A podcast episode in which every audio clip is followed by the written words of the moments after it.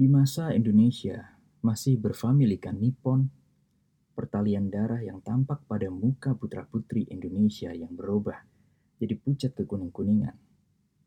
Ada aku berkenalan dengan seorang orang Belanda yang peramah. Ia menjabat pangkat tinggi di suatu firma, selagi bangsanya yang bertitah di negeri kita ini. Tapi sifatnya peramah. Itu bukan sebab sudah merosotnya martabatnya melainkan sebab memang dia itu seorang yang peramah. Pun ia seorang peminat seni, hal yang jarang terdapat pada sep-sep firma yang besar. Kami bekerja di sebuah kantor yang besar di kota yang besar. Dia menjadi sep bagian umum. Aku menjadi pembantunya.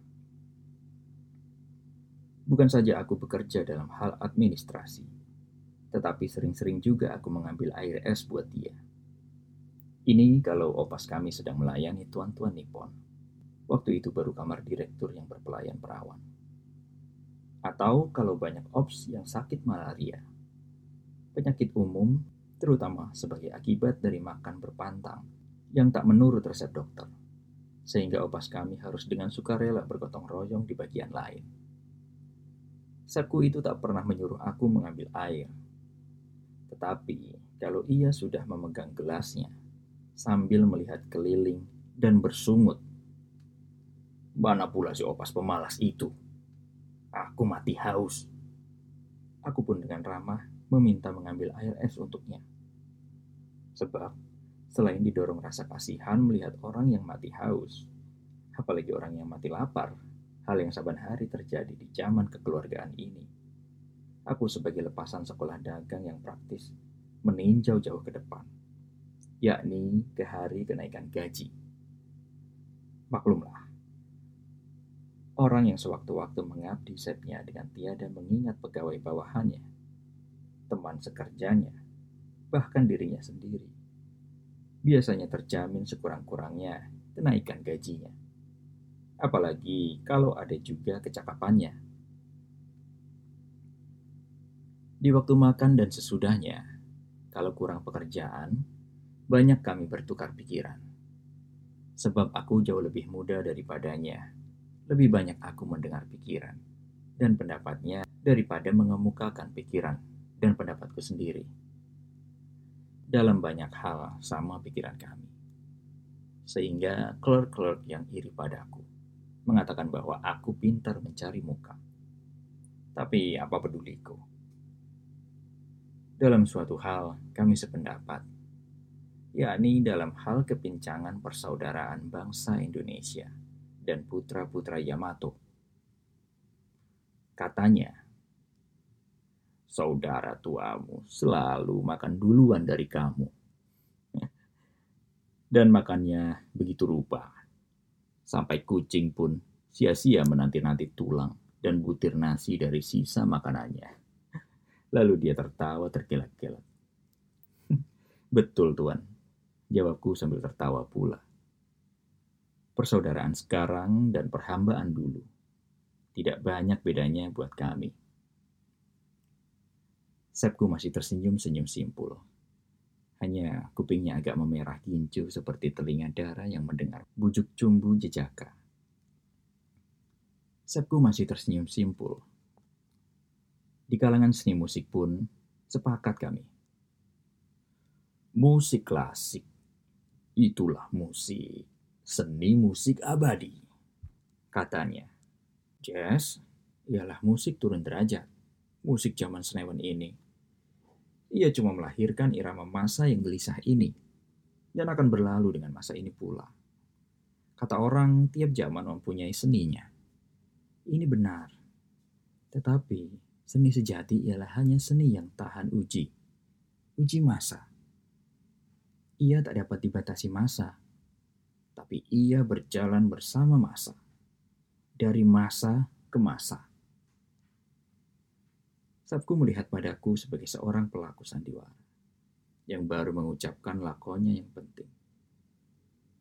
Aku tersenyum, kuanggukkan kepalaku, seperti yang pernah kulihat pada ahli-ahli Kau sudah mendengar anjing yang menangisi terang bulan. Ya, aku banyak kali terjaga olehnya. Kau sudah mendengar juga kucing yang bercumbu-cumbu di malam yang gelap gulita. Sudah aku mendengar serenet serupa itu. Kau sudah mendengar juga konser kodok di selokan. Di hari hujan, di belakang rumahku ada selokan tempat orang kampung membuang air. Nah, kalau bunga rampai, suara ini dibaur lagi dengan bunyi kaleng kosong yang dipalu bersahut-sahutan. Serta disela pula oleh jerit oki dan gelak dekak orang perempuan yang histeris. Maka tergubahlah komposisi jazz yang harmonis. Aku tertawa oleh perbandingannya ini. Dan pernahkah kau mendengar risikan angin di daunan di malam yang kelam? atau petang yang lengang. Pernah? Oh, masa indah yang hanya kembali dalam kenangan. Aku mendengar bisik-bisik gadis perawan. Desir ombak yang menyembur mengusir ke pesisir, yang lantai, yang landai di kala remaja hari, atau derum gelombang, menepuk karang di waktu gugur surya. Aku dulu diam di tepi pantai yang permai. Gelak air yang berderai-derai di celah-celah batu di gunung-gunung hmm, aku dulu banyak turut berburu. Nyanyi riang unggas lepas atau nyanyi balam yang terkurung. Aku pandu dulu dalam memelihara burung terkukur. Nah, kalau bunyi-bunyi itu kau iringi dengan ratap suling yang merayu-rayu, atau suara biduan yang mesra merdu, menyeraklah melodi klasik yang takkan usang-usang sepanjang masa. Dari jendela kiri ruangan kami, di bawahnya ada radio umum. Mengalun bak gelombang yang mengintar di sinar matahari. Bahana pertama, minuet Beethoven. Kian lama kian menghampir, membumbung meninggi, merendah, menjauh, akhirnya memecah dalam kesah yang halus seni. Dengar, itulah musik. Musik dewata Suara Sepku melembut turun dengan not penghabisan. Seperti bidadari yang menari-nari. Bisiknya. Takut mengganggu bidadari hayalnya itu. Sekonyong-konyong dari luar, mendengung raung klakson yang mengagetkan. Lebih dulu pendek tersentak-sentak. Kemudian panjang, lama sekali. Tajam, tinggi bagai sirine di waktu bahaya diselingi oleh letter tutur yang garau parau aneka suara. Saat ku mengerang, ia mengerutkan keningnya, memicingkan matanya, serta menutup kupingnya beberapa lamanya. Setelah hilang panca suara itu, agaknya sudah kembali sopir yang dicari tuannya. Berkata Sepku dengan olok tertawa. Nah, nah, itu dia jazz. Belum sempurna, ya, tapi cukuplah Nah, anak muda, manakah yang kau pilih? Apakah yang harus kupilih dalam hal begitu, kawan? Kalau bukan musik klasik, biarpun aku sendiri orang modern dan tiada tahu menahu sedikit pun tentang musik musik. Hmm. Akan seni lukis, ia pun membentangkan pemandangannya dengan panjang lebar, tapi terang juga lukisan-lukisan yang bersifat ekspresionisme, katanya. Tiada ubahnya dengan selembar kain atau kertas yang dilempari gumpalan-gumpalan cat tak bertentu warna. Hmm, orang yang melihatnya barangkali kecuali pelukisnya sendiri. Tiada tahu akan maksudnya sebelum ia membaca apa yang tertulis di bawahnya. Dan sering-sering juga belum mengerti dia dan oleh payahnya memahamkan dan meresapkan ciptaan itu, tiada jarang pula jadi pusing kepalanya. Aku setuju pula dengan Sepku. Sebab sudah sekali terjadi. Sehabis melihat gambar modern, mual aku. Tapi entah sebabnya, oleh kesan-kesan lukisan itu, entah oleh karena pagi itu aku makan bekicot yang diyakinkan tabib-tabib Jepang kepada dokter-dokter kita sebagai makanan yang mengandung khasiat pelupa lapar. Tak tahu lagi aku. Naturalisme atau realisme, sambung Sepku. Itulah seni rupa asli. Misalnya, buah-buahan yang digambar begitu sungguh kelihatannya. Sehingga anak-anak kecil memintanya kalau melihatnya. Dalam perlopku ke Eropa, pernah aku mampir di gedung kesenian Roma. Di situ ada lukisan Madonna, ciptaan Rafael. Lama aku tertegun di hadapan gadis suci itu. Rasa nikmat yang amat yang dibangkitkan lukisan itu, sehingga sekarang pun masih mengesan dalam diriku. Sesudah meninggalkan gedung setelan ciptaan Maha Ahli itu, mengerti aku sebabnya. Maka kaum perempuan itu disebut lambang kelembutan, keindahan, dan kemurnian. Dihabiskannya airnya dengan sekali teguk. Lalu ia memberi isyarat dengan gelasnya kepada opas yang sedang terkantuk-kantuk di kuda-kudanya. Karena jaga malam dan kurang makan untuk mengambil air es. Pun uh, aku bukan penggemar aliran primitivisme. Sepku menyambung kau seriusnya. Aliran ini sukar sekali disebut seni. Atau kalau ia dinamakan seni juga, maka ia adalah seni zaman baru di waktu kehalusan, perasaan manusia baru mulai tumbuh. Segalanya masih sangat sederhana.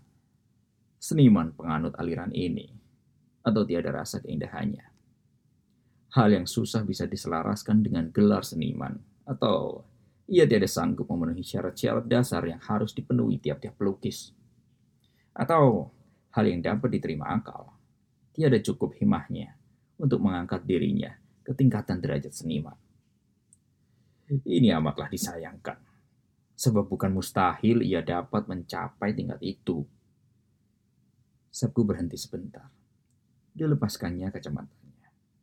Dan sambil menggosoknya dengan setangannya, ia menyambung. Tiada lagi garis yang manis selaras, melainkan yang cengkok kaku dan jauh dari sepadu. Padahal, seni itu ialah membuat barang yang indah, yang bertambah lama bertambah indah, yang di mana pun tempat dan di tiap waktu, pun dalam mimpi, menyenangkan selalu. Kata orang, seni itu ialah pelahiran, perasaan, dan pengalaman jiwa orang seorang, sehingga banyaklah corak dan warnanya. Ini benar.